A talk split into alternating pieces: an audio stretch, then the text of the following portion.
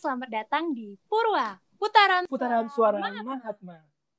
Nah, ini podcast Purwa yang pertama, bareng aku Ratna dan partner aku. Agus Arta. Yeay, podcast Purwa ini merupakan konten podcast perdana yang dimiliki oleh KMHD Mahatma. Nah, Gus Arta, boleh dong dikasih tahu podcast perdana Purwa kali ini bakal bahas apa sih kita? Nah, jadi di podcast perdana kali ini, Rat, kita tuh bahas tentang topik yang menarik, yaitu tentang suka duka dunia rantau. Tentunya dari perspektif mahasiswa Hindu. Nah, em, pastinya kita juga ditemani sama bintang tamu yang udah berpengalaman di dunia rantau. Aduh, ada siapa aja nih? Nah, Boleh siapa nih, nih? Halo, ada Kak Tinita dan Yuanda. Halo semua. Halo, halo. Halo. Halo. Selamat malam. Malam. Nih, boleh banget nih ada Kak Tinta dan Yuanda. Boleh dong kenalan dulu nih nama, jurusan, sama universitasnya nih dari mana kira-kira. Pada penasaran nih. Ya, benar banget. Mungkin dari Kak Tinita dulu boleh berkenalan. Oke, aduh, halo semuanya yang mungkin nanti dengerin podcast ini. Kenalin, eh, namaku, nama panjangku Kak Tinita Rana Sardiarta. Biasa dipanggil Tinita kalau di kampus dan di luar sana. Eh, aku jurusan Ilmu Komunikasi angkatan 2017 dari Universitas Atmajaya. Oke, dari Jogja ya. Wow, Iya, istimewa. Iya. bener-bener. nah, untuk bintang tamu yang satu lagi nih, perkenalkan dulu dong. Oh iya, Eh, disebut pengalaman juga enggak ya? Karena kebanyakan langsung online ini gara-gara musim pandemi. Langsung pandemi ya. iya, langsung pandemi kan. Jadi ya sebenarnya ya nanti deh kita explore lagi gimana. Ya, Boleh. benar banget. Boleh, boleh. Eh, perkenalin, eh, nama aku Putu Ariwanda Krisna atau bisa dipanggil Yeka. Eh, jurusan Hubungan Internasional angkatan 2019 dari Universitas Presiden atau biasa dipanggil sih Presiden University ya dari KMAD Presiden University. Wow. Aduh. Jauh banget nih yang lagi satu. Mm, Jauh banget ya. Eh, ya yang penting masih di Jawa lah. Bener-bener. Nah, ada fun fact nih di kedua bintang tamu kita eh, malam ini nih, Rat. Mereka itu pernah menjabat atau sedang menjabat di KMHD mereka masing-masing. Mungkin Kak Tinita dulu menjabat sebagai apa di Mahatma? Hmm, boleh nih di-sharing. Aduh, aku malu banget dipanggil bintang tamu. Ya. Gak apa-apa. Di sini semua menjadi bintang. Oke. Eh, aku eh, udah lengser sih kalau aku karena aku di antara kalian semua kayak aku angkatan tua ya sendiri ya 2017. Aduh, jangan kayak gitu dong, Kak. Aku merasa tua.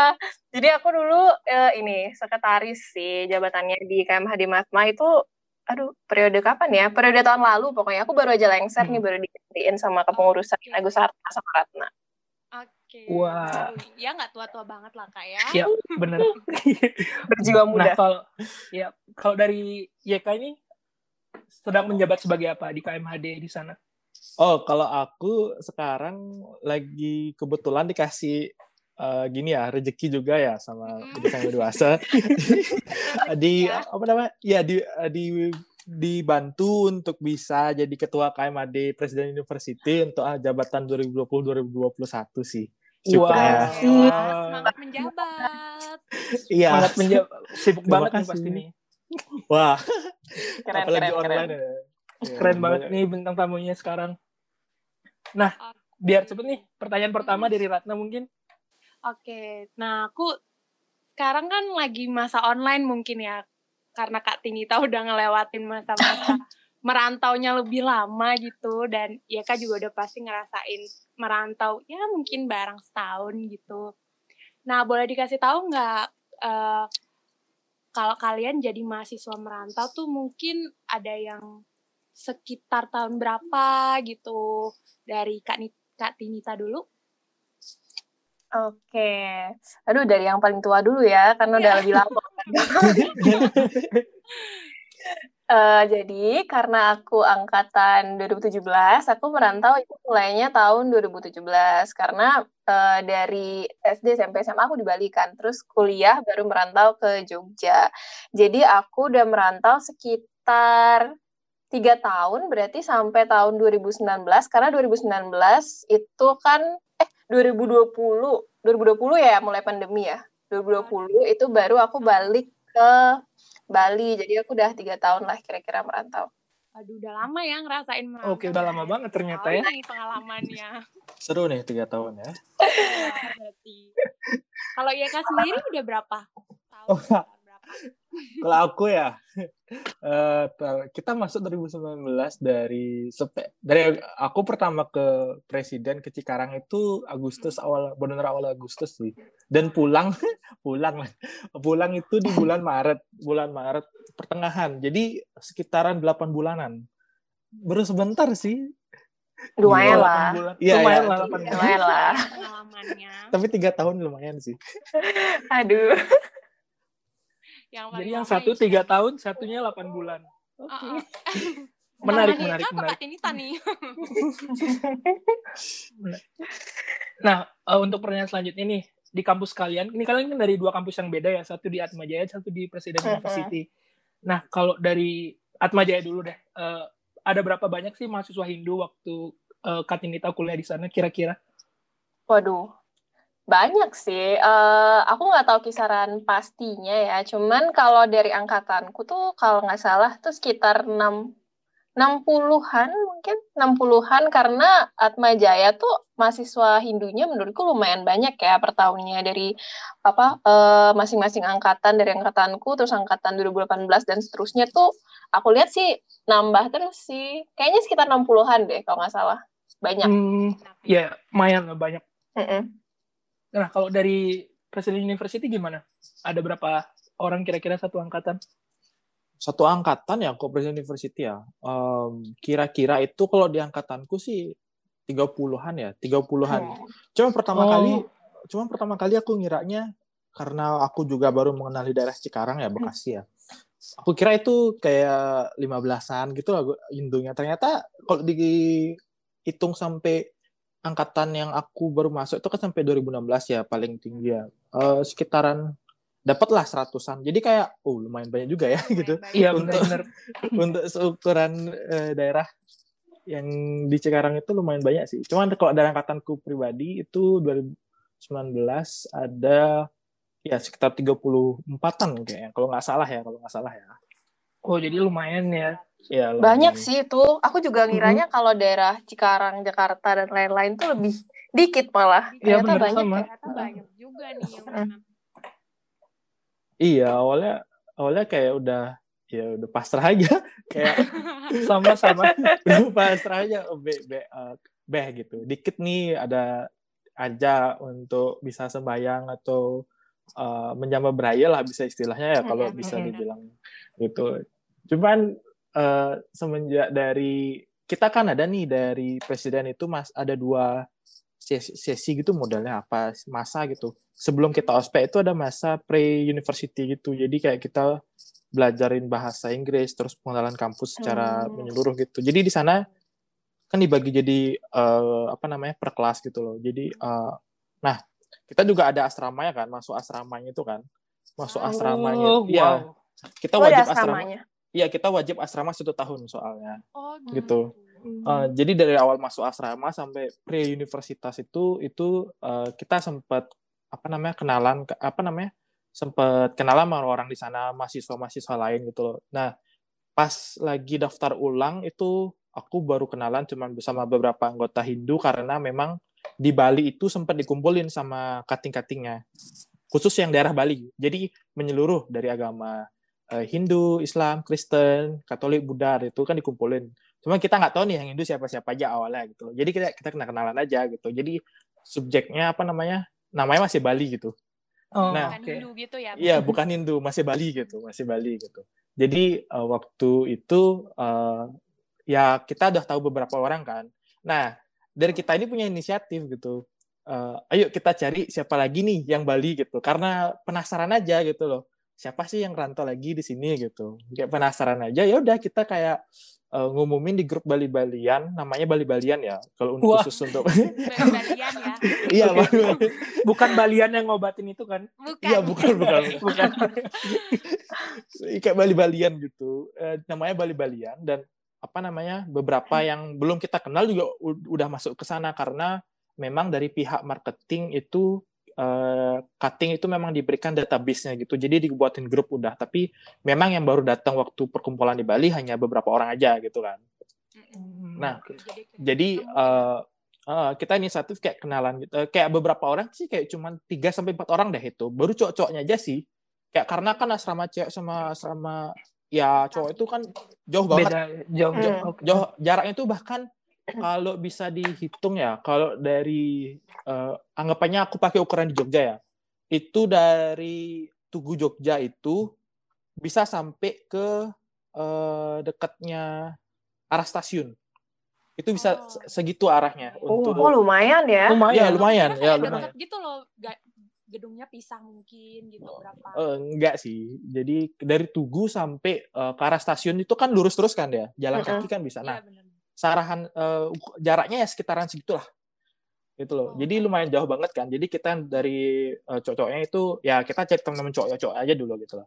Untuk waktu perkenalan asrama, tapi waktu pre-universitas kan dikumpulin di kampus. Jadi kayak kita juga inisiatif. Ya walaupun bukan kita SKSD ya untuk nyari cewek. tapi kayak pengen aja tahu gitu loh siapa aja lagi gitu. Nah, akhirnya Bener. beberapa apa namanya teman-teman cowok tuh kan ada yang ya alumni gitu lah teman sesama alumni SMA dari SMA 4 gitu dari SMA 3 SMA 1 gitu misalnya bahkan dari SMA Harapan ada gitu jadi kan mereka menggunakan apa namanya gunain relasinya mereka alumni itu untuk bisa tahu siapa aja masuk di PU gitu Presiden University gitu Oh, Oke. jadi eh, jadi eh, jadi dia sempat nanya ke teman-teman yang di Bali itu siapa ya teman-teman yang masuk di eh, presiden gitu. Dan kita juga sempat tanya eh, ada beberapa emang udah kenal gitu kalau dia tahu temen eh, temennya dia masuk presiden gitu. Jadi kita ayo kita di presiden ketemu, ketemu di universitas waktu lagi jam istirahat atau waktu lagi pulang itu ya. Udah akhirnya kita ketemu kenal-kenalan kayak gitu jadinya kita tahu bahwa oh ramai juga ya gitu. Oh, Iya. Seru ya. banyak Seru banget Ya. seru. berdinamikanya nih udah ketemu temen-temen dari Hindu pasti lebih kayak senang gitu rasa Lebih merasa rumah gitu lah. merasa rumah ih ada nih gitu Mm, betul. Mm-mm. ya benar sih aku juga ngerasain kayak gitu ya nah eh, selanjutnya kan kita udah istilahnya udah ngerasain dinamika di kampus gitu bareng mungkin teman-teman yang beda eh, lingkungan sama kita beda daerah sama kita gitu nah waktu pertama kali Kak Tinita dan Yeka ini kayak kenalan gitu sama teman di kampus yang mungkin berbeda daerah gitu Hmm. apa sih eh, kayak pandangan mereka ke Kak Tinita dan Yeka yang mungkin mereka tahu orang Hindu nih gitu mereka Mm-mm. punya kesan pertama apa gitu tentang Kak Iya, kayak. Stereotip yang mereka berikan gitu pada I Kak. see, I see. Mungkin dari Kak Tinita dulu boleh? Mm-mm. Nah, Mm-mm. Kalau di aku sih sebenarnya kalau stereotip gitu yang pertama karena eh, baru kenal tuh mungkin kan belum tahu dalam ya sampai Iya. agama sampai kayak gitu. Mungkin baru tahu dia asalku aja gitu. Aku dari Bali. Pastinya eh, aku nggak tahu sih ini kejadian di semua orang atau enggak. Cuman biasanya orang kalau ketemu orang Bali itu pasti kayak excited dulu kayak oh kamu dari Bali gitu. Ih seru banget gitu. Kayak banyak pantai. Mereka tahu ya banyak pantai kayak gitu Iya. kan. Bisa jalan-jalan, happy happy, gitu. liburan, ya gitu. Iya, iya. Vibesnya kayak gitu kan. Jadi awal-awal kenal sama teman-teman tuh pasti excitednya ngomongin kayak gitu. Sedangkan aku sebenarnya nggak tahu banyak sih tentang Bali karena aku tinggal di Ubud kan. Mm-mm. Sedangkan yang orang-orang tahu tentang Bali itu lebih banyak pantai Iya, kayak gitu, pantai. Heeh, jadi kayak aku kadang, "Eh, mm, mm, Iya. eh, aku nggak tahu, gitu. Jadi kayak merasa Bali gagal gitu awalnya. Cuman Bukannya Ubud terkenal ya? Iya, sebenarnya aku mikir gitu sih. Cuman mungkin orang-orang lebih tertarik ngomongin pantai gitu kali ya daripada Bener, di bener. Ubud Banyak gitu, kayak gitu di kan. mana-mana. Ah, Kayak iya. mereka ngomongin. gitu. Iya, ngomongin beach club kayak gitu. Nggak ada yang mau nggak ada yang mau nyari alamnya di Ubud gitu. Nggak tahu. Makanya aku langsung mempromosikan Ubud pada saat itu. Aku Wah. tinggal di Ubud loh gitu. Jadi jadi ambasador. sekalian sekalian promosi. Iya. Bener. Itu kalau awal sih, kalau stereotip awal gitu. Cuman mungkin eh sama beberapa orang kan akhirnya deket tuh, punya teman deket, akhirnya mulai banyak tanya-tanya, akhirnya pada tahu, oh agama Hindu. Biasanya sih yang mereka tanya tuh eh, sama mungkin ya, kalau kita dengan agama lain gitu, pasti kita penasaran kan, gimana sih dinamika di dalamnya, ada apa aja, mungkin ada adat gimana, kayak gitu. Apalagi eh, orang-orang mungkin banyak yang tahu ya, kalau misalkan Hindu dan Bali itu adatnya kental banget kan. Iya, Jadi, kenal banget. Mm-mm, bener. Jadi biasanya yang ditanya itu tentang adat, apalagi nih banyak dulu sih awal-awal banyak banget teman-temanku yang penasaran tentang ngaben gitu loh. Karena iya, ngaben iya, mungkin bener. banyak Betul, orang yang betul. tahu kan, banyak orang yang tahu. Jadi tuh nanya tuh banyak buat kayak kenapa harus kayak gini, kenapa harus kayak gitu gitu. Aku sih pada saat itu jawabnya setauku ya, karena eh, aku juga masih belajar agama Hindu, masih mendalami, adat juga Hmm. beda-beda kan di Bali. Betul, Jadi betul.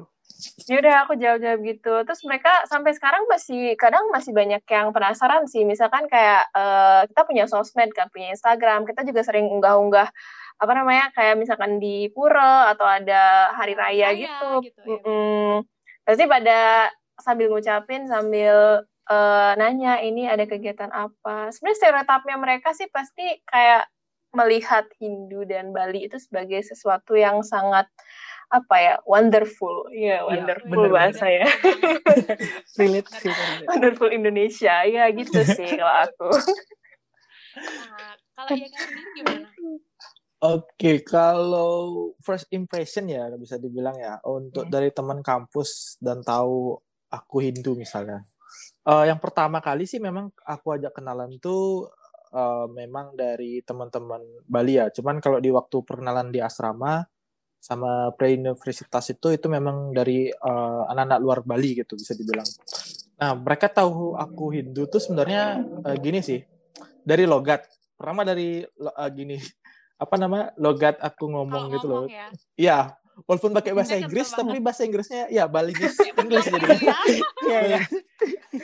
Balinese Balinese English jadinya gitu. Jadi eh, dari sana udah ketahuan terus eh, nama depannya memang Putu gitu. Jadi kan waktu dipanggil dosen Putu gitu. Ya, jadi memang kenalan eh, oh dari Bali ya gitu. Eh, taunya sih first impression mereka tuh fokusnya ke Bali gitu, bukan Hmm, dari Hindunya bener. gitu. Iya, bener. Nah, Bener-bener. yang bikin mereka lihat Hindunya itu dari gelang tridatunya.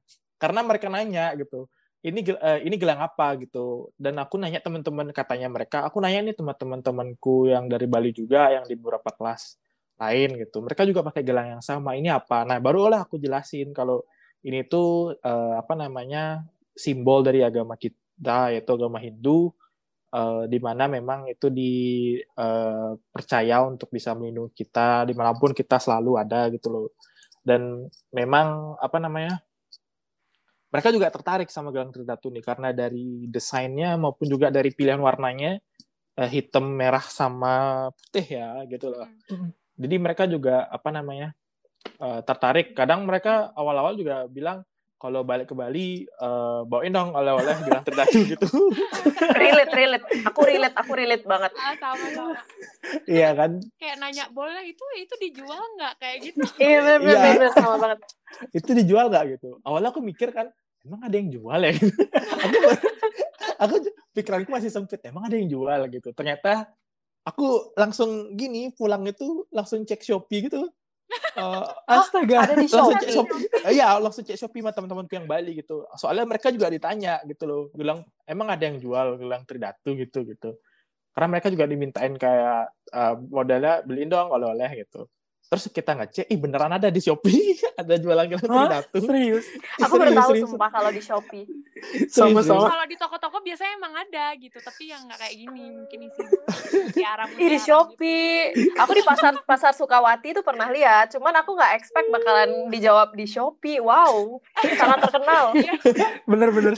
Iya di Shopee ada gitu, tapi biasanya di Bali sih memang gitu loh. Hmm. Jadi, oh, wah di Shopee. Eh, tapi ada juga waktu ini sempat eh, aku sama teman-temanku dapat itu biasanya di Jakarta gitu. Jadi kayak, oh lumayan. Tapi desain itu memang ada besinya itu loh. Jadi memang kayak Ah. gelang biasa gitu. Cuman eh, apa namanya warnanya memang mirip gitu loh, hitam putih sama merah gitu. Jadi itu apa namanya first impression lebih ke Bali yang kayak Kak Tinita ceritain itu lebih nanya ke gimana situasi di Bali gitu Bener. kondisinya lebih ke Bali daripada ke agamanya karena mungkin eh, mereka tahu ya eh, agama kalau nanyain agama tuh lah secara langsung sensitif gitu ya. Jadi Iya. Iya bener. eh, bersensitif gitu unsur yang sensitif gitu. Jadi mungkin eh, mereka mengkodenya itu dari apa namanya simbol-simbolnya ya. Dari gelang tridatu contohnya itu yang paling gini sih yang paling kelihatan gitu yang paling tangible gitu bisa dibilang Iya, dan benar. eh, kebanyakan sih itu dari bener katanya Kak Tinita benar-benar relate sih lebih ke Balinya sendiri gitu Bener, bener, Ya. bener. berarti dari mereka itu kayak uh, first impression itu ngeliat, lebih ngeliat dari logat sama looknya dari apa yang kamu pakai kayak gitu. Kayak misalnya Iya, bilang bener. logat Bali gitu, bukan dari agama. Mungkin karena privacy dan dan lain sebagainya. Bener, bener. benar-benar Eh, benar. BTW, BTW ngomongin logat, aku tiba-tiba inget cerita. Apa nih? Jadi, Apa nih apa nih? jadi tuh eh, aku gara-gara tadi kak ngomongin logat, aku tiba-tiba inget. Jadi aku di kampus, aku ada satu dosen, dia tuh dosen antropologi, dosen budaya juga. Ini anak-anak FISIP nih, Ratna sama Gusarta, tahu Pak Argo kan? Tahu, tahu, tahu. Pak Argo kan? Nah, ini Siapa tuh Pak Argo? ini- Siapa? Jadi ngomong jadi jadi Pak Argo itu salah satu dosen eh, di kampusku kan di FISIP. Mhm. Dia tuh emang fokusnya ke budaya, komunikasi budaya gitu kan. Dan emang sering dia penelitian lapangan ke Bali, terus keliling Indonesia juga. Nah, ceritanya tuh aku tuh sebenarnya cukup jarang dapat kelas dia. Kalau sampai aku lulus ini mungkin cuman dua kali atau tiga kali ya saya ingatku tuh dapat kelasnya dia gitu di matkulnya dia. Cuman dia tuh selalu ingat aku karena eh, pertama namaku ada kadeknya. Kedua, setiap setiap di kelas itu bahas Bali, dia tuh pasti lirik ke aku gitu. Terus lirik ke aku tuh langsung langsung gimana ya? Kayak nyandain aku gitu loh. Dia bilang dia pakai logat-logat. Katanya logat kalau orang Bali ngomong T itu kayak T-nya hilang. Gimana sih Iya, kayak ngomong gitu. pintu jadi pintu gitu. Pintu. Pintu. Pintu. Dia sering pintu. gituin aku gitu. Inggris. Gitu sih. Mm-mm. Ah sama ini deh aku Tiba-tiba. juga punya cerita nih, tapi bukan dosen. Hmm. Ini dosen bahasa Inggris, Kak. Siapa tuh? Pak Joseph ya kalau nggak salah. Oh, aku gak pernah diajar sih. Pokoknya Kenapa kenapa? itu semester satu, aku tuh disuruh nggak disuruh sih kayak ya udah siapa yang mau bercerita gitulah pokoknya Mm-mm. eh, boleh maju ke depan gitu. Ya udah aku coba, aku cerita kalau aku aku belajar nari kayak gitu gitulah pokoknya. Mm-mm. Terus, eh, ya udah kamu praktekin aja sekarang terus aku hidupin lagu. Panjali Serius? Kacau. iya terus sama taman Jadi pentas seni. juga iya Wah, ya udah ayo ayo tak eh, eh, saya hidupin lagunya ya kalian nari di depan saya berdua ya ampun semua langsung kayak buka hp wah wah gitu Wah gila. kayak nonton pertunjukan gitu Dia jadi pentas seni. Ya ampun niat banget Iya. sampai nyari lagunya. ya ampun itu itu kayak sen- ah, seneng banget pokoknya Sedih juga. seru Iya, banget sih. bener-bener. dengerin Seru, ceritanya. seru, seru, seru. Jadi dari cerita-cerita itu tuh kayak eh, dari cerita-cerita tadi tuh kayak mikir jadinya kalau Bali ini ternyata punya tempat yang spesial gitu loh di hati mereka gitu. Kayak Benar. Sampai disuruh pentas, diperhatiin dosen terus gitu. Pokoknya punya tempat yang Iya. spesial lah. Bener-bener, aku setuju sih. Benar. Tapi terus tapi juga tapi juga Gimana? kalau eh, apa namanya selain Bali kan ada nih anak-anak Indo yang dari luar juga kan. Mm, ada nah, ya iya mereka juga punya khasnya masing-masing karena ada temen kuda yang dari Lampung gitu. Eh, bahkan eh, mereka yang apa namanya tahu dia Hindu, eh, ngiranya apa namanya dari Bali juga kan. Tapi ada kelebihannya juga sih kalau dari eh, Hindu yang di luar Bali itu. Bahkan waktu kita lagi terteatro itu yang pinter mekidung tuh justru Hindu yang dari luar Bali gitu. Wow. Jadi kayak- Wow. Jadi kayak Keren banget. wow, keren kali. Iya. Wow. Kayak, jadi yang mekidung dia sendiri aja gitu loh. Oh, keren sih, keren. Bener-bener. Terus untuk pertanyaan selanjutnya nih, em, kita flashback dikit ya ke masa-masa lalu kalian berdua ini. Sebelum kalian sebelum Masa kalian memutuskan untuk merantau nih, masih ingat nggak sih apa yang jadi ketakutan kalian untuk keluar dan kayak jauh dari keluarga, mungkin jauh dari teman-teman dan mulai jadi minoritas di wilayah orang lain? Apa aja ketakutan pada waktu itu yang kalian rasain sebelum mulai akhirnya merantau? Mungkin dari Kak Tinita boleh cerita dulu. Oke, ketakutan ya. Eh, sebenarnya kayaknya waktu itu aku nggak nggak nggak terlalu yang ada something yang "Wih, takut banget mau merantau enggak sih karena waktu itu mungkin eh, karena emang sejak aku masuk SMA itu dari kelas 10 tuh kayak udah berpikir untuk aku kayak pengen di luar deh poin pertamanya tuh adalah Wow. karena aku pengen eh, ngerasain karena kan dari dari kecil sampai SMA tuh di Bali terus kan hmm. di rumah terus gitu aku pengen ngerasain gimana sih eh, hidup sendiri tuh kayak gimana habis tuh di luar tuh kayak gimana ya dapat perspektif banyak dari banyak banyak dari orang dari berbagai daerah juga gitu cuman mungkin uh, ketakutan atau keresahan gitu tuh baru datang ketika kita udah mau berangkat gitu. Jadi itu mungkin deket-deket aku mau berangkat ke Jogja itu, uh, aku ngerasanya mungkin bukan takut sih kayak nggak rela gitu loh mau ninggalin keluarga di sini ya, gitu ya sih. Jadi kayak bener, bener. karena karena kita udah udah dari kecil dibesarin di sini terus aku emang orangnya juga uh, lebih family oriented mungkin ya kayak aku lebih uh, banyak menghabiskan waktuku sama keluarga aku gitu. Jadi ketika aku mau pergi berangkat jauh uh, merantau ke Jogja di mana kalau merantau tuh ya nggak bisa pulang sebulan pulang seminggu kangen pulang kan nggak mungkin bener, kan bener. karena pesawat mahal juga ya kan biar pesawat mahal kuliah lagi nggak mungkin dong ya kali kita uh, apa libur Sabtu Minggu terus kita pulang terus balik lagi Senin kan nggak mungkin kan? Bener, jadi nggak mungkin. Itu aku ngerasanya itu. Aku uh, ketika mau berangkat tuh pada akhirnya aku mulai berpikir yang kayak oh aku mau merantau nih. Aku bisa pulangnya cuma waktu liburan terus juga liburan tuh ya kita dapat waktu cuman sebulan. Apalagi uh, kalau misalkan ikut ada acara-acara organisasi atau, atau apa gitu kan pasti kepotong kan liburannya. Jadi overthinking itu gitu sampai sampai Jogja juga ngerasanya kayak aduh kok aku udah di sini? Aku sendiri sekarang gitu. Udah sebenarnya nggak apa-apa gitu. Cuman karena apa kepikiran aja akhirnya. Cuman pada akhirnya ketika udah lama gitu ya nggak apa-apa sih. Nggak ada yang perlu ditakuti lah kalau mau merantau intinya. Wow. Berarti Kartini Tani dari awal merantau tuh punya keluarga nggak di Jogja Enggak, Atau enggak sama Bener-bener sebatang kara berarti. Iya, sama kayak aku, sama kayak aku soalnya. Sendiri banget itu. Sendiri banget soalnya. Iya, iya, iya, iya. Eh tapi tapi aku ada kakak sih, ada kakak yang masih studi juga di hmm. Atma. Cuman itu cuman bentar sih aku masuk, dia udah mau lulus gitu. Jadi enggak enggak lama sih. Tapi ngurus semua semua semuanya sendiri sih. Wow. Hebat sih. Uh. Cewek lagi merantau itu kan yeah. jarang banget yeah. dapat izin. Keren gak sih? Keren, Keren banget. Keren banget. Homesick apa kabar? Homesick apa kabar? Kalau dari Eka gimana nih? Dari Eka nih gimana? Udah ngomongin uh, homesick nih. Uh, kalau dari akunya sendiri ya, untuk pertama kali ngerantau itu bukan dari aku kampus sebenarnya. Uh, aku pertama kali ngerantau waktu aku lagi belajar SBM untuk PTN sebelumnya. Oh iya. Oh, ya, jadi, jadi di Jakarta gitu. Wow. Uh, Luar biasa apa namanya? ya. tapi itu uh, tapi itu lima minggu aja sih semenjak hmm. dari selesai UN itu. Nah di sana di sana sih yang memang apa namanya benar-benar kayak takut ngerasain ngerasain ngerantonya berani waktu berangkat tapi waktu di sananya kacau. udah mulai kerasa ya.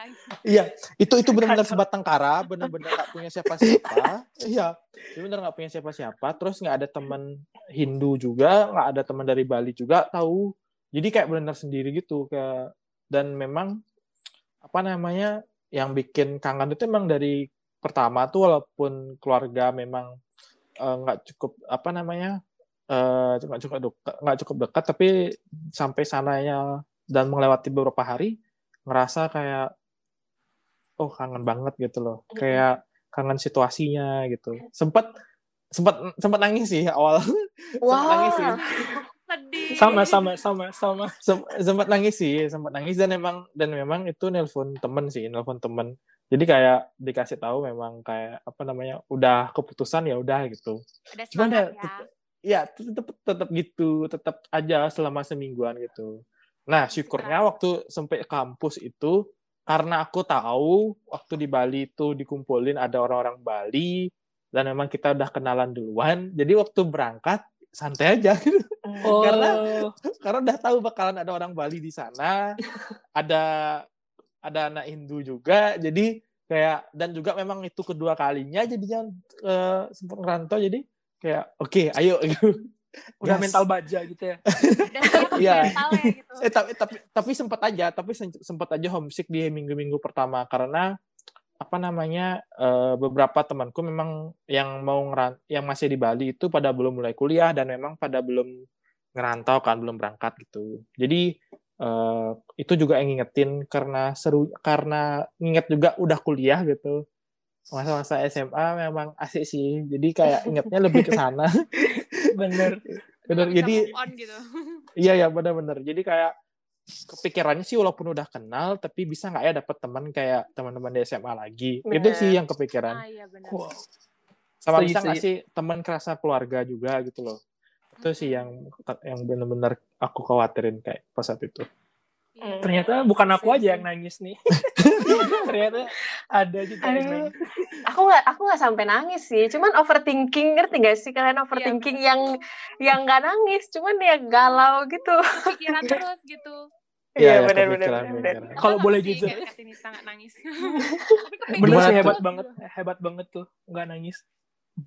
tapi tuh Kalau- emang mungkin karena aku nggak tahu ya kadang tuh ada kan orang yang overthinking sebenarnya bi- pengen nangis pengen ngeluarin cuman kayak nggak keluar gitu loh. Nggak tahu mungkin lebih banyak kayak yang kependam aduh kalau aku nangis kok aku nangis sih? Gitu Lebih ke perasa aja gitu kayak iya iya "Ih, iya nggak iya boleh kayak gini.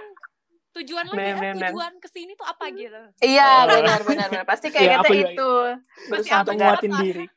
Ya, untuk nguatin diri sih itu. nguatin keinginan hati ya. Dulu aku seminggu itu nangis non-stop itu seminggu. Waktu belum Non- kenal siapa. Seriusan Terus aku berhenti nangis tuh gara-gara ketemu Mahatma. Itu untungnya. Kayak, Oh, banget. sumpah. Kita, kita kan ada rapat perdana tuh.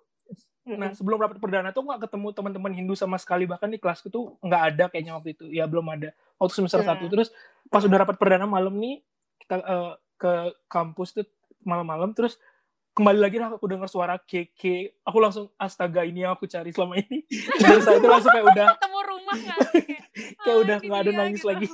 kayak udah Gemes stop banget ya. Lucu Nah, banget. lanjut seminggu tuh nangis habis itu keren sih maksudnya ketemu Mahatma langsung ketemu rumah ini yang gue cari. iya gila. Aduh, Sarta emang paling the best ya bang awal-awal. Bener-bener. aduh udah banyak banget ya. Kayak ketakutan ketakutan overthinking yang ada semua rasain ya pastinya nih.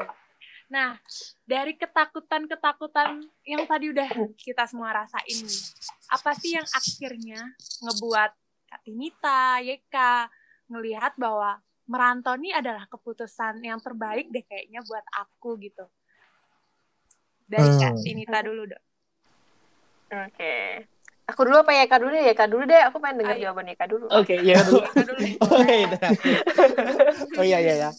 Oke, kalau dari akunya sendiri sih oh, pertama kali itu kan memang waktu ujian itu ya aku bilang ke telepon teman jadi dikuatin aja lagi keinginan hatiku karena memang nggak ada KMAD di sana kan benar-benar Mm-mm. sendiri banget. Nah, cuman kalau masuk kampus itu pertama kali masuk kampus sih memang ngobatinnya eh, ya aku sendiri aku yang apa namanya benar-benar kayak nyari lagi nyari eh, yang aku udah kenal waktu sempat kumpul di Bali sama beberapa temanku yang memang aku kenal dari Balinya sendiri dari SMA SMP gitu. Dan memang masuk di presiden jadi ku memang kayak ngechat gitu dan juga memang kadang sempat nelpon Eh, mereka juga kapan mengumpul nih? gitu di sini di di, di rantauan di Cikarang gitu. Dan memang sempat apa namanya sempat ngumpul. Dan bahkan waktu itu memang eh, aku, aku bukan pelarian sih tapi memang kehendaknya ya. Jadi memang bersyukur eh, itu lagi pas kuningan. Jadi kita ada rencana memang eh, ayo sembayang gitu.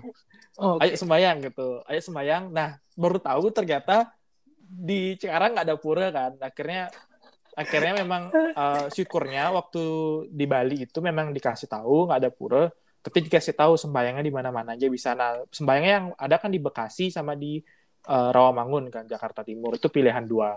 Oke berarti kita sempat lihat Google Map gitu loh sama temen-temen yang udah mau ayo gitu. Eh, karena kan itu waktu daftar ulang siangnya jadi kita bisa malamnya aja kan.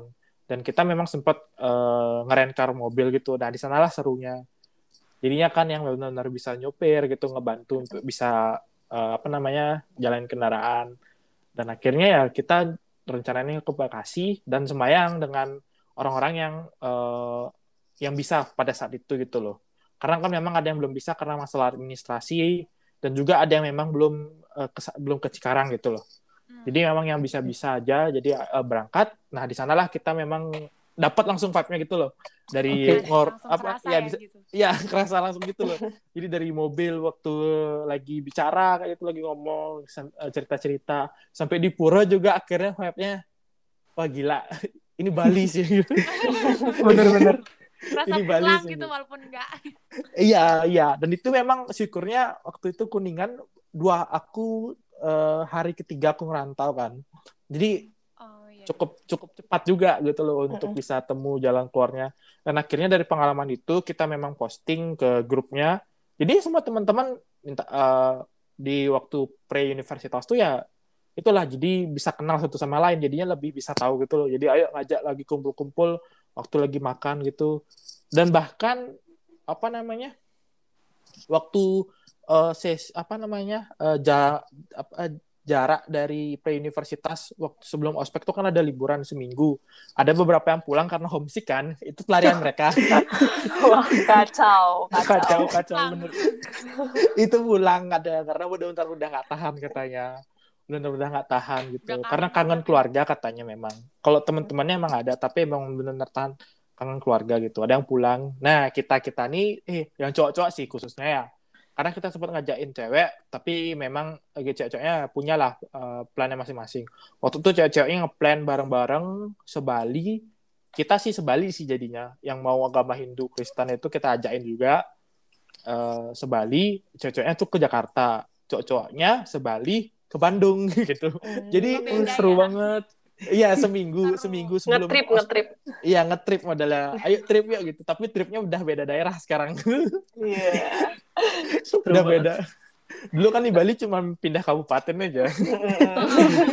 Dan pasar. Tabanan Bangli gitu. Kalau ini dari Bekasi ke Bandung gitu. Bekasi Udah jauh Jakarta. Beda Udah kota ya. udah jauh ya mainnya. Iya pakai travel sih kita waktu itu. Yang cewek pakai mereka karena karena pengen nyobain apa namanya kereta karena kan Hmm. Bali nggak ada kereta dan juga pengen nyobain MRT kan karena waktu itu kan udah ada MRT Jakarta gitu dia pengen nyobain itu ya udah akhirnya eh, itu juga pelarian kita waktu jalan-jalan akhirnya ngerasain juga benar trip kayak teman-teman SMA dan memang obrolannya juga mirip-mirip sama teman-teman SMA gitu loh Fat. Oke. jadi itu sih boleh tahu nggak sih nih eh, berapa menit sih dari asrama? Kan tahun pertama tuh asrama ya di presiden. Nah ya dari asrama ke pura terdekat tuh berapa lama jaraknya? Pulau terdekat ya? Kalau di kalau itu sih pulau terdekatnya di Pura Aditya eh, di Pura eh, Agung Buana Bekasi namanya ya Pura Agung Buana Bekasi. Itu kira-kira kalau pakai mobil itu lewatin tol terus sekitar 40 menitan 45 Wah. menitan Wow. Lumayan dia nyarinya. Aku tercengang-cengang nih. Anak Jogja tercengang-cengang. bener banget 40 menitan kalau tolnya lancar ya kalau tol si truk truk tronton semua yang besar-besar itu ya mohon maaf aja nih gitu. itu bisa itu bisa sampai sejam bisa wow Salut sih. Aku salut sih.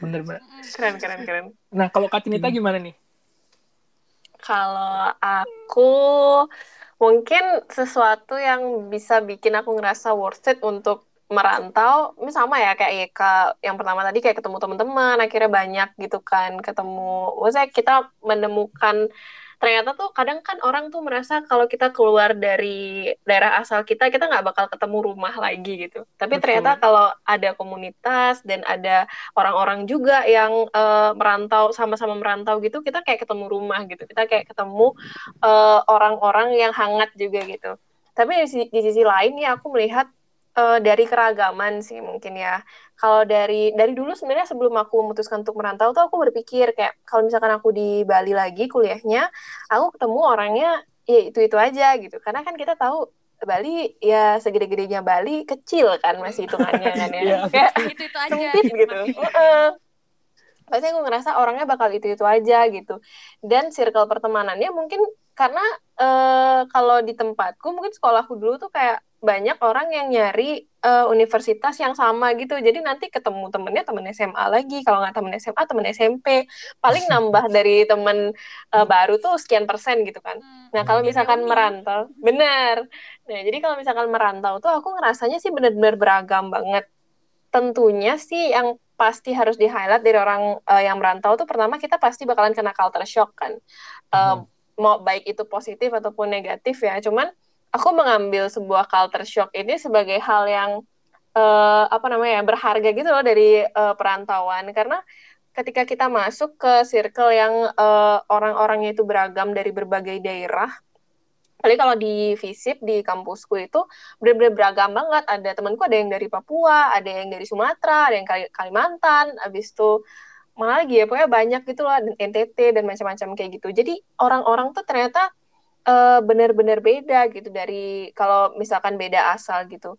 Bedanya tuh mungkin dari apa namanya? kebiasaan, habis itu yang paling kelihatan cara ngomong. Mungkin awal-awal tuh uh, aku kaget dengar orang Jogja gitu ngomong kayak aduh kemayu banget, santun banget. Aku mau nanggepin tuh kayak mikir, ini aku ngomongnya udah sopan belum sih iya, gitu. Ya, bener, bener. Takut takut menyakiti takut gitu. Menyakiti.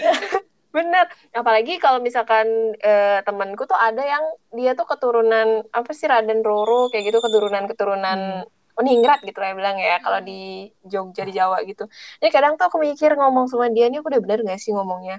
Nah setelah aku ketemu orang yang kayak gitu, ntar aku uh, jalan ke kantin misalnya, aku ketemu temanku yang dari Sumatera, beda banget cara ngomongnya, cara cara ngomongnya bener-bener tinggi gitu. Oi, oh gini gini. Apalagi orang Batak nih, woi. Iya.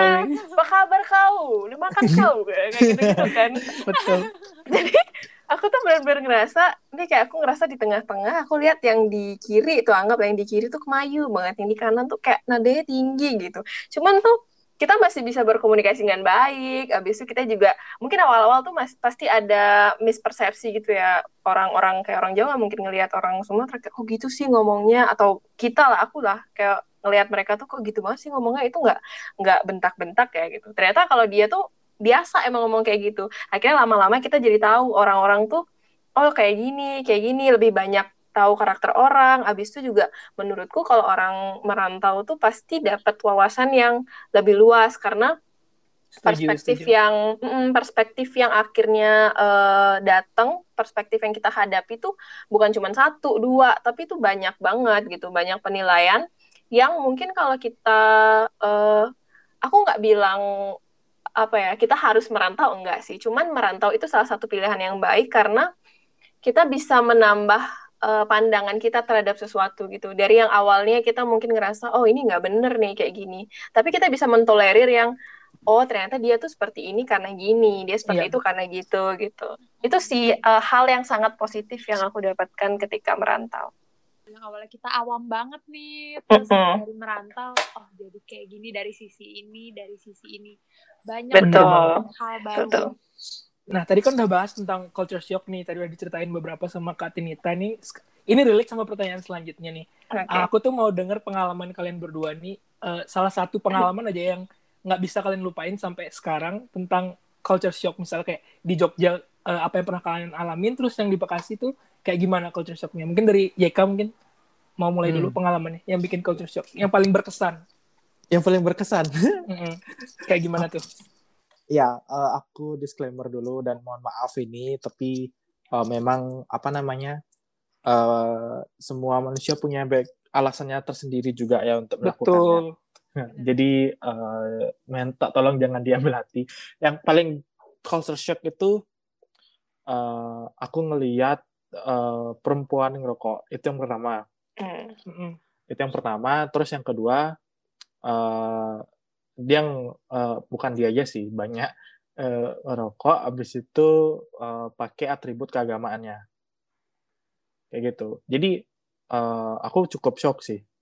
Cukup shock karena uh, aku mikirnya uh, cukup apa namanya cukup baik loh gitu loh kondisinya. Maksudnya uh, mindsetnya cukup baik gitu. Cuman akhirnya teman-temanku yang apa namanya yang asli dari sana asli emang emang dari uh, daerah Bekasi. di ya di Jawa, Jawa Bekasi gitu. Hmm. itu kan emang dari teman jurusanku lah gitu. Sempat kan ada teman belajar gitu modelnya. Nah di sana kan mereka uh, bisa lah open minded itu pikirannya. Jadi mereka yang jelasin ada memang ada alasan-alasan tertentunya gitu. Kadang memang bisa dari keluarga atau memang tekanan-tekanan dari luar gitu. Jadi oh ya memang mungkin ada alasannya kayak gitu tersendiri. Jadi uh, aku lama kelamaan sih aku bisa memahami itu gitu loh. Itu yang apa namanya culture shockku sih di itu ya paling benar-benar kaget aja gitu. Karena di Bali benar-benar bahkan nggak ada yang kulihat gitu. Jarang gitu ya ya ya jarang dan kadang nggak nggak kelihatan lagi gitu loh. Iya. jadi kayak cukup cukup ya uh, sempat khawatir juga. Ya sempat khawatir juga uh, sempat khawatir juga karena itu uh, memang teman kenalanku juga kan cuman ya katanya memang aku tahu dikasih alasannya jadi aku paham gitu jadi itu dah makanya uh, kadang memang uh, di balik yang culture shock yang kayak itu memang ada alasan tersendirinya dan memang kita memang wajib untuk bisa tahu uh, setidaknya gambaran gambaran besarnya kenapa mereka melakukan itu jadi itulah yang bisa membantu kita untuk menghormati itu sih Iya, setuju, lah. setuju. Hmm. Berarti dari YK ini culture shocknya lebih ke gaya hidup orang-orang di dunia rantau itu ternyata seperti itu kayak gitu ya. Nah, ya, lebih dari Katinita ini apa nih kira-kira selain tadi yang kayak uh, suara apa logat orang Jawa uh. itu ah. kemayu dan Sumatera itu keras, selain uh. itu ada nggak yang berkesan lagi? Uh, sejujurnya hal yang berkesan tuh hampir mirip sama YK sih karena nggak uh, bisa dipungkiri ya kadang kalau kita keluar dari daerah asal terus kita merantau sendiri semua hal tuh uh, anggaplah kayak lifestyle pergaulan tuh lebih mudah untuk masuk. Gimana ya? Kayak aku sih uh, kagetnya mungkin ke arah yang oh ternyata di rantauan tuh sebebas ini ya. Mungkin karena aku waktu masih di Bali itu ini ya lebih family oriented terus juga jarang keluar gitu. Aku seringnya sama keluargaku terus juga kalau di sekolah juga nggak lama-lama kayak gitu. Ketika aku dikasih kebebasan di dunia merantau gitu aku ngelihat um, apa ya? Ini ini ini mungkin case-nya agak sama. Mungkin Yeka udah jelasin ya kali sebelumnya sesuatu hal-hal yang menurutku itu kurang wajar. Mungkin dulunya aku melihat itu. Misalkan kayak ada temanku yang ngerokok cewek gitu. Kalau di aku mungkin kalau di daerahku kalau aku dulu SMA itu sesuatu hal yang tidak wajar gitu. Betul. Cuman ketika aku merantau aku di kampus aku banyak melihat itu dan itu itu yang aku bilang positifnya tadi. Kita ketika merantau kita melihat itu awalnya kita emang kaget gitu. Oh kenapa kok gini gitu? Kok beda gitu dari aku yang dulu? Tapi ternyata lama-lama ya akhirnya kita tahu oh setiap orang kan punya pilihannya masing-masing. Emang uh, biasanya kayak gitu atau mungkin memang ada alasan di balik itu gitu. Jadi hal-hal yang berkesan tuh lebih ke lifestyle juga sih selain apa namanya selain yang kayak logat tadi kayak gitu. Lifestyle yang lebih bebas menurutku. Tapi kembali lagi sebenarnya orang tuh ketika dia merantau masuk ke perantauan itu uh, masing-masing kan punya prinsip sendiri. Dia merantau untuk apa, apa yang dia cari gitu. Jadi aku yakin sih setiap orang yang merantau pasti tahu lah batasan mereka untuk menjaga dirinya ya. Karena kan jauh dari keluarga juga. Tujuannya kan juga belajar kayak gitu. Hmm, benar, setuju, setuju, mm -hmm. setuju sih itu. Nah, uh, kita kan tadi udah ngomongin nih tentang uh, pergaulan di dunia rantau, terus gimana gaya hidup yang selama ini kita kira itu nggak wajar ternyata banyak kita jumpai gitu di dunia rantau. Yeah. Uh-uh. Nah, pertanyaan selanjutnya nih, um, gimana sih salah satu caranya untuk survive di dunia perantauan? Itu kan kita harus punya kenalan, terus harus jalin relasi. Nah, tapi terkadang kalau salah bangun relasi itu juga bisa jadi bad influence ke diri kita sendiri yeah, gitu loh. Bener. Nah, ada nggak sih ini hmm. tips dari uh, kakak-kakak di sini yang udah pernah merantau itu uh, yang bisa dikasih mungkin untuk ke uh, maba-maba nanti atau adik-adik tingkat nanti tentang uh, agar terhindar dari pergaulan di dunia rantau yang seperti tadi kita sebutkan itu. Mungkin dari Yuanda dulu boleh. Uh, aku sih ke Kak Tinitia dulu ya, tiga tahun. oh iya benar benar yang lama. Oke. Okay. Suhu suhu. Suhu suhu. uh, kalau aku mungkin tadi aku udah sempat mention ya. Kalau dari aku sendiri ki sebenarnya kan aku juga uh, termasuk orang yang di rantauan tuh nggak ada pegangan gitu ya. Beda kalau mungkin ada ada keluarga di rantauan kan hmm. masih bisa dijaga lebih ketat gitu mungkin ya. Aku benar-benar sendiri juga. Ada kakak, cuman kakak juga nggak sampai setahun di Jogja.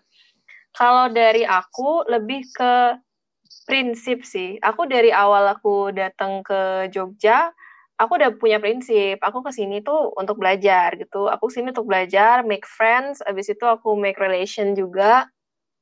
Dan uh, pastinya sebelum kita merantau tuh sebenarnya harus banyak cari tahu sih uh, supaya ketika kita kena culture shock kita nggak shock banget gitu. Kita harus cari tahu tempatnya wilayahnya. Misalkan kayak uh, aku di Jogja aku cari tahu dulu Jogja tuh kayak gimana sih orang-orangnya kayak gimana sih gitu jadi persiapan itu dulu. Terus yang uh, prinsip tadi, aku selalu bawa prinsip aku ke sini untuk belajar, aku harus jaga diri gitu.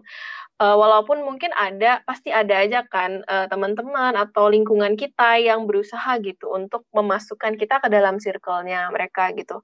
Cuman kalau dari aku sendiri kalau itu nggak masuk dalam prinsipku, aku nggak bakalan masuk gitu. Sama sorry to say gitu, misalkan aku kan nggak ngerokok, misalkan aku pernah ditawarin untuk ngerokok gitu di kantin kan biasa kan. Ca mungkin itu caranya orang juga untuk make friends gitu dengan orang lain gitu. Eh mau ngerokok nggak? gitu. Cuman karena prinsipku enggak gitu aku nggak bakalan mau gitu. Itu sih yang paling kuat menurutku. Karena ketika orang itu goyah di prinsip, dia akan lebih gampang untuk kena bad influence gitu. Dan uh, aku take a note banget untuk orang-orang yang uh, merantau dan pengen punya banyak teman itu nggak harus kita itu mengikuti semua hal yang orang-orang tuh lakukan untuk kita tuh bisa diajakin jadi temen ngerti gak sih? Jadi kayak mungkin ada kan yang emang orang ini bad influence terus kita nih kita ngerasa kayak aduh kok aku nggak punya teman aku pengen deket nih sama dia. Oh berarti aku harus ikut-ikut nih sama dia. Aku harus ikut-ikut uh, pergi sana sini sama dia. Aku harus ikut dia belanja-belanja banyak kayak gitu. Menurutku nggak harus kayak gitu. Kita harus tetap jadi diri kita sendiri supaya orang itu kenal kita dan temenan sama kita juga ya karena diri kita sendiri gitu Mm, itu sih kalau aku. Setuju banget, setuju banget. Nah kalau dari YK gimana? Oke, okay, kalau dari akunya sendiri memang itu uh, benar kata Kak Tinita itu yang pertama kali itu kalian harus tahu sebenarnya alasan kalian ngerantau itu apa, target kalian, tujuan hmm. dan prinsip kalian itu apa sih untuk ngerantau gitu. Dan memang kenalilah universitas kalian atau sekolah kalian dulu dan memang uh, pelajaran apa yang bakal kalian ambil uh, dan juga kalian bisa ngapain aja di sana. Itu sih sebagai modal dasarnya ya modal dasarnya. Tapi memang kata Agus Harta uh, jalin relasi itu memang penting. Uh, namun uh, kadang uh, kita nggak semua relasi itu benar bermanfaat gitu. Yep. tapi kata bermanfaat di sini kita bukan nyari yang hanya untuk kita manfaatin aja ya. Nggak bukan kayak gitu maksudnya. Tapi uh, yang aku maksud itu relasi itu seperti yang pertama. Sebenarnya sih aku lebih kayak uh, modelnya ngebagi gitu ya antara teman belajar sama teman main gitu. Karena memang dari Hindu Bali itu sendiri yang jurusan hubungan internasional itu bisa dihitung pakai jari bahkan nggak lebih dari lima untuk angkatanku sendiri gitu. Jadi memang kan bisa lah untuk bisa fokus untuk bisa nyari teman belajar yang ada di kelas uh, mungkin kalian juga memang perlu untuk bisa walaupun culture shock tapi memang kenalilah orang-orang yang memang bisa kalian ajak. Karena kalian mau belajar tuh prinsip kalian. Nah ajaklah yang bisa kalian ajak untuk belajar untuk bisa cerita-cerita tentang kondisi di kelas pertanyaan-pertanyaan dosennya. Kadang juga bercanda-bercanda di kelas juga nggak apa-apa kan. Cuma kan jangan terlalu kelebihan gitu. Jadi uh, diajak diskusi kerja kelompok bareng itu bisa gitu. Nah kalau untuk teman main sebenarnya bukan teman main sih, tapi lebih ke uh, balik ke rumah. Jadi kan setiap kalian pulang sekolah ya kalian balik ke rumah gitu kan. Nah, aku kan di asrama nih. Nah, syukurnya di asramaku, syukurnya banget itu kan dibagi per rumah gitu karena kita orang-orang Bali-nya. Aku Bali aja sekalian ya, karena memang uh, fokus kita di Bali ya. Maksudnya orang Bali dan orang Hindu yang di luar Bali gitu. Nah, kita ini tetap ngajak orang uh, kita syukurnya itu orang-orang Bali dan orang-orang Hindu itu deket dan rumah-rumahnya gitu loh. Selang cuma beberapa langkah aja. Jadi kita bisa ngajain mereka untuk setiap pulang kampus uh, ya udah itu sebagai keluarga kita uh, untuk pulang misalnya gitu. Jadi kita kayak modelnya kena ya memang dari awal sih kayak yang aku bilang tadi ya kita kenalan dulu lah akrabin dulu. Nah semenjak udah mulai kuliah ya kita sama-sama saling ngebantu. Kadang aku uh, untuk bisa ngelihat relasi untuk karena memang obrolannya menarik dan juga uh, mereka bisa saling bantu. Karena prinsipnya gini kalau uh, nongkrong sama hidup hidup bersama itu beda. Jadi walaupun kalian sekenal apa pun orangnya kalian sering ajak nongkrong belum tentu kalian bisa hidup ajak bareng kan. Nah itu nah, itu nah, itu dia apa namanya konsep yang aku pegang di mana uh, ada beberapa memang orang yang susah memang diajak hidup bareng, cuman syukurnya dan memang mungkin kendak beliau itu aku dipertemuin sama orang uh, sem semua orang Bali yang aku ajak di presiden dari cutting maupun dari uh, angkatanku sendiri, syukurnya bisa diajak hidup bareng gitu loh. Jadi kadang waktu di kampus uh, pulang kampus misalnya kadang mereka ngechat aku Ika uh, beliin ikan dong lauk dong gitu di oh, tapi bantu. di kamarku udah masak nasi nih gitu. Oke okay, gitu. Jadi uh, sebenarnya dari ikatan apa namanya ikatan pertemanan itu dari minta tolong itu dan dan aku percaya ya aku percaya ya dari Hindu di mana pun kalian tinggal di Bali kalian punya sense of belonging rasa tanggung jawab dan rasa uh, pertem apa namanya kekeluargaan yang kuat banget. Aku percaya itu gitu loh. Jadi memang oke okay, mereka udah aku eh, mereka udah buat nasi di kamar gitu misalnya ya udah aku beli lauknya gitu. Jadi pelan-pelan ya bahkan dari makan bareng itu. Jadi kita bisa tahu karakteristiknya gimana. Yang bahkan uh, ikan itu cuman sedikit lauk lauk pauknya itu cuman sedikit tapi apa namanya ya mereka ngebagi itu bisa. Kadang kemal waktu itu cuman lauknya cuma tiga piring eh dua dua piring aja tapi orangnya yang hadir itu sebelasan gitu loh.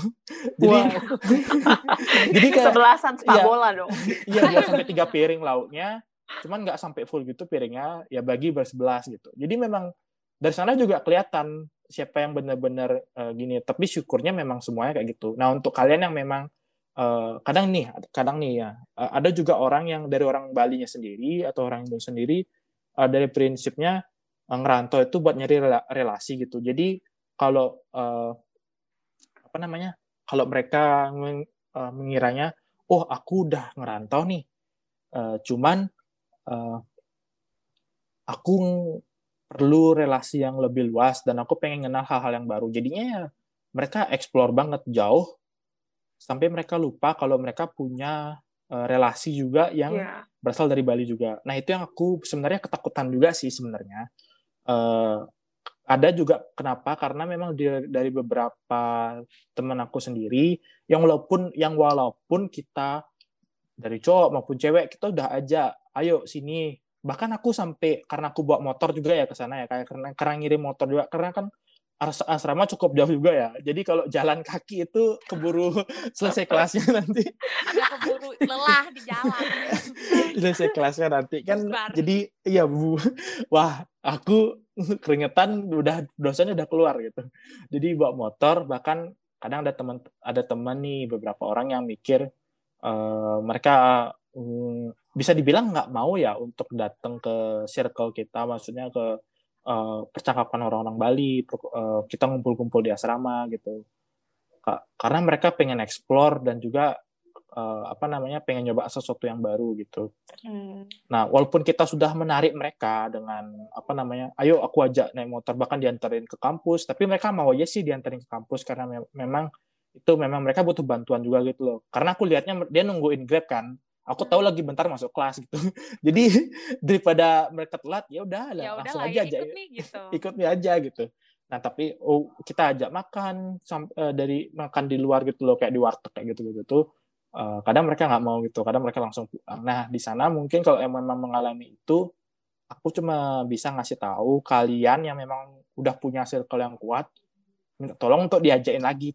Jangan jangan lelah lah untuk bisa ngajakin mereka gitu jangan lelah untuk ngajakin mereka, tetap ajak mereka karena mereka tuh tetap dari asal yang sama sama kalian dari Hindu, dari Bali maupun juga setidaknya dari Hindu. Sulawesi, Kalimantan, Lampung, Papua itu yang penting kalian Hindu gitu loh. Dan kalian memang punya rasa tanggung jawab dan rasa keluarga yang kuat dari hati kalian tuh memang punya gitu. Jadi tetap tetap ngajakin aja jangan lelah Pengen gitu. Nah, lah istilahnya. Ya. Iya, benar, setuju. Dan untuk nah, situasi orang yang apa namanya situasi orang yang hmm, punya konsep kayak gitu, aku sih minta tolong banget. Kalian memang boleh untuk bisa uh, explore, silahkan gitu. Tapi ingat keluarga kalian di mana, kalian juga pulang ke mana. Misalnya kalau kalian, kadang alasannya aku denger juga gini ya, karena circle-nya percakapannya nggak cocok buat aku gitu. Hmm. Sebenarnya kita udah berusaha untuk ngasih tahu gitu loh, udah sebenarnya kayak coba ngasih ajak-ajak mereka ngomong gitu, gimana gimana gimana, tapi tetap aja ngerasanya mereka nggak cocok gitu. Jadi kita nggak tahu apa yang harus kita lakuin. Ya mau nggak mau ya tetap aja kita jajak lagi gitu. Ya akhirnya yang tertolong buat kalian yang punya konsep kayak gitu uh, bukan dirubah mindsetnya, tapi uh, lihat kembali uh, ada teman-teman kalian yang berjuang juga buat ngajarin kalian yang juga menyesuaikan uh, topik percakapan maupun juga dari cara mereka bertindak sikapnya untuk bisa menyesuaikan diri dengan kalian gitu jadi uh, minta tolong untuk jangan diabaikan gitu. Mungkin itu sih yang bisa menghindari kalian dari bad influence. Kadang memang uh, dari luar itu karena kita udah tahu culture shocknya ya, ya syukur-syukur kalian bisa nemu orang yang bisa paham kalian itu nolaknya gimana. Kalian juga ada orang-orang yang kalian nolak malah kalian jadi public enemy. Nah, itu yang bahaya kan. bahaya. Iya, itu yang bahaya kan. Dan kasusnya selama saat ini sih memang jarang banget ada yang memang yang dari Bali maupun dari Hindunya sendiri jarang anggap kalau misalnya kalian nolak misalnya ngasih gitu. Ya aku nggak ini ya nggak tutup-tutupin ya. Yang dari Bali juga ada yang ngerokok kan cocoknya gitu misalnya. Tapi kan kalau memang kalian menolak ya kalian nggak dijauhin itu. Kalian nggak jadi public enemy gitu. Iya, iya, benar, benar, gitu. benar kalian nggak di sih, ya kalian nggak diomongin nggak digosipin ke mana-mana gitu. Jadi ya begitulah untuk saran dari aku. Uh, walaupun kalian ekspor keluar itu pintar-pintarlah ngelihat sikapnya mereka gimana. Iya. kenali kalian kalian boleh kenal sama mereka untuk bisa memahami mereka gitu. Tapi kalau kal mereka sudah ngelonjak dan bahkan mengancam keberadaan kalian ya mending kalian pelan-pelan. Jangan langsung tapi pelan-pelan lah untuk bisa uh, keluar dari circle itu ya. Setuju. Setuju banget, setuju. Wow.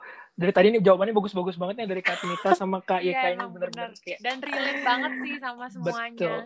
Nah, aku mau highlight nih sesuatu dari jawaban mereka tadi. Hmm. Itu um, sebenarnya uh, kita tuh nggak menjudge orang-orang yang mungkin ngerokok atau mungkin yang suka klub malam, tapi kita di sini mau ngingetin kalau cobalah fokus untuk uh, bu, cobalah fokus uh, bukan dari hal-hal buruk yang mereka lakuin gitu loh tapi kita coba lihat dari loyalitas mereka sebagai teman gitu dan itu juga jangan uh, menjadikan kalian tuh untuk menutup diri sama mereka kayak, wih aku gak mau temenan sama orang yang merokok. Jangan yeah. pernah mikir kayak gitu. Kayak, cobalah fokus sama loyalitas mereka sebagai teman. Jangan dari apa ya, hal buruk yang apa yang mereka lakukan juga. Gitu sih kalau dari aku dari bener, bener. yang tadi hmm, bener. kalian bicarain. Aku setuju, aku setuju. benar benar. Mantap, mantap Agus. Banget. kayak jangan kalian jangan ngelihat dari covernya kan. Iya, iya. Sangat klasik sekali untuk ini. Iya, ya. benar sekali. Pokoknya kalian harus bisa memahami lah hmm. gitu. Oke, okay, mantap. Mungkin dibalik itu semua ya ada alasan tersendiri untuk mereka. Ya benar benar benar. Setiap orang kan punya prinsip beda-beda buat ngejalanin kehidupan mereka. Mm -mm. Betul. Setuju. Wow, ya, banyak banget nih dapat pengalaman flashback flashback merantau ya apalagi jadi kangen kan jadi kangen merantau kangen banget. Banget aku belum puas belum puas banget. Belum puas ini. Belum puas ya Yeka. Kanita juga udah belum puas juga belum puas aku belum puas Nah, ini mungkin uh, jadi pertanyaan penutup juga ya kayaknya udah banyak banget dari awal sampai akhir banyak bahas uh, berbagai sisi pengalaman dari Kak Tinita sama Yeka. Uh, dari Kak Tinita sama Yeka ada nggak sih tiga kata deh gitu uh, sebagai mahasiswa rantau? Gimana sih dunia rantau? Tiga kata. Ya, tiga kata aja. Tiga kata ya? Iya, tiga kata aja. Aduh takut kayak didikte. Tiba-tiba berpikir. Iya udah. Pikir ya, aduh apa nih? Gitu. Apa ya? Tiga kata apa ya gitu. Terlalu banyak yang mendeskripsikannya soalnya. Tiga kata yang mem memaknai gitu. Betul. Mungkin siapa dulu nih Ratna? Tiga kata um, dari siapa nih? Boleh boleh Yeka dulu deh. Ayo Yeka dulu. Udah aku berharap Kak Dita. Aku berharap Kak Dita. Udah berpikir keras apa ya? Apa ya? Yeka masih mikir selamatkan. Aduh, nama aku disebut lah ya. tiga rantau. Eh, tiga kata dunia rantau itu apa sih? Tiga, kata, kata ya. Yang pertama, tantangan. Uh Kedua? Yang kedua, jatuh. Oke. Okay. Wow, jatuh. jatuh. Terus apa lagi? Yang ketiga itu rising. Oke, okay. wow. wow. Oh, keren banget. Ini ya kan langsung berpikir langsung dapet gitu ya. spontanitas itu, spontanitas. Spontanitas kayaknya memang. Kalau sekarang dari Kak Cinita, tiga kata dunia rantau. Aduh, beneran kayak didikte, sumpah. Oke, tiga kata ya. Tiga kata buat dunia rantau. Yang pertama pastinya seru. Mm -hmm. Yang kedua baru. Oke. Okay. Yang ketiga haru. wow. Oh. Diksinya bagus banget. Diksinya bagus. Ya, gitu. Pemilihan katanya bagus. Itu anak komunikasi. Jadi malu. Keren keren keren. Syahdu banget didengar gitu. Mantap. Dari awal sampai akhir udah nggak nyangka sepanjang ini ya obrolannya. Berapa menit Seru nih kita banget. Udah. Seru seru. seru. Bermenit-menit. Tuh, mungkin seru banget, seru banget. harus ada edisi-edisi selanjutnya gitu kan. Kita Iya, doakan bener banget. semoga ada episode selanjutnya dari podcast ini ya. Harus Kita harus yang harus. Kita harus banget. harus banget dinantikan ya. Pokoknya terima kasih banyak buat Kak Tinita sama Yeka udah Benar. mau ngulangin waktunya bareng aku sama Agus di Mhm. podcast Purwa kali ini. Udah ngasih banyak banget pengalaman merantau. Iya, dari udah ngasih petuah juga, betul. Petua-petua. Tua. Aduh, merasa tua lagi kan aku, jangan bilang petua. Petua. Sudah memberikan wejangan kepada Jangan, mereka jangan, nanti. makin eh, tua. Aduh. Siapa tahu nanti ada mungkin adik-adik maba baru yang ngedengerin Betul. juga nih podcastnya. Bisa jadi pegangan lah untuk mereka gitu. Hmm, benar. Gambaran. Semoga, semoga, semoga bisa Sementara membantu bisa nanti membantu, yang ya. mm, yang mau merantau, yang Iya, masih benar. bingung. Betul. Udah ada nih petua-petuahnya langsung aja gitu kan. Iya. Oke, makasih banyak Kak Tinita. Makasih banyak Kak Tinta, Eka. Kak Eka.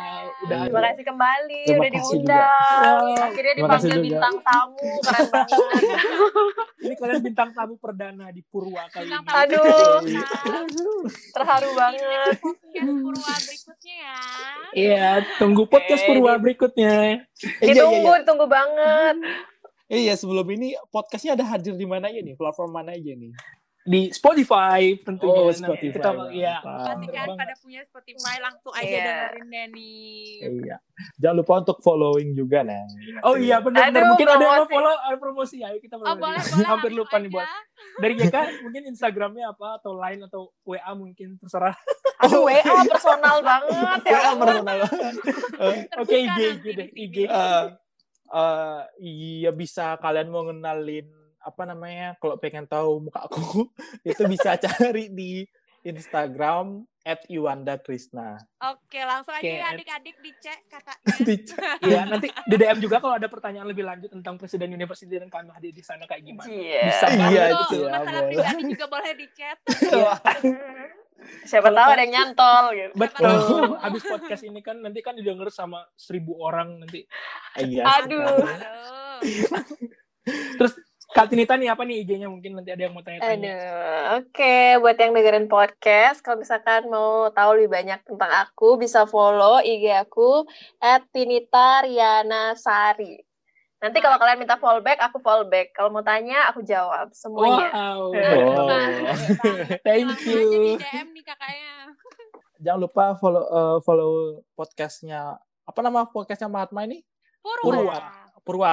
Oke. Purwa. Jangan lupa ya, follow di Spotify juga. Cakep. Wuhu. Thank you. Jangan lupa ya, pokoknya stay tune. See you di next podcast Purwa selanjutnya. See you semuanya. Terima Bye-bye. kasih. Thank you, thank you. Thank you.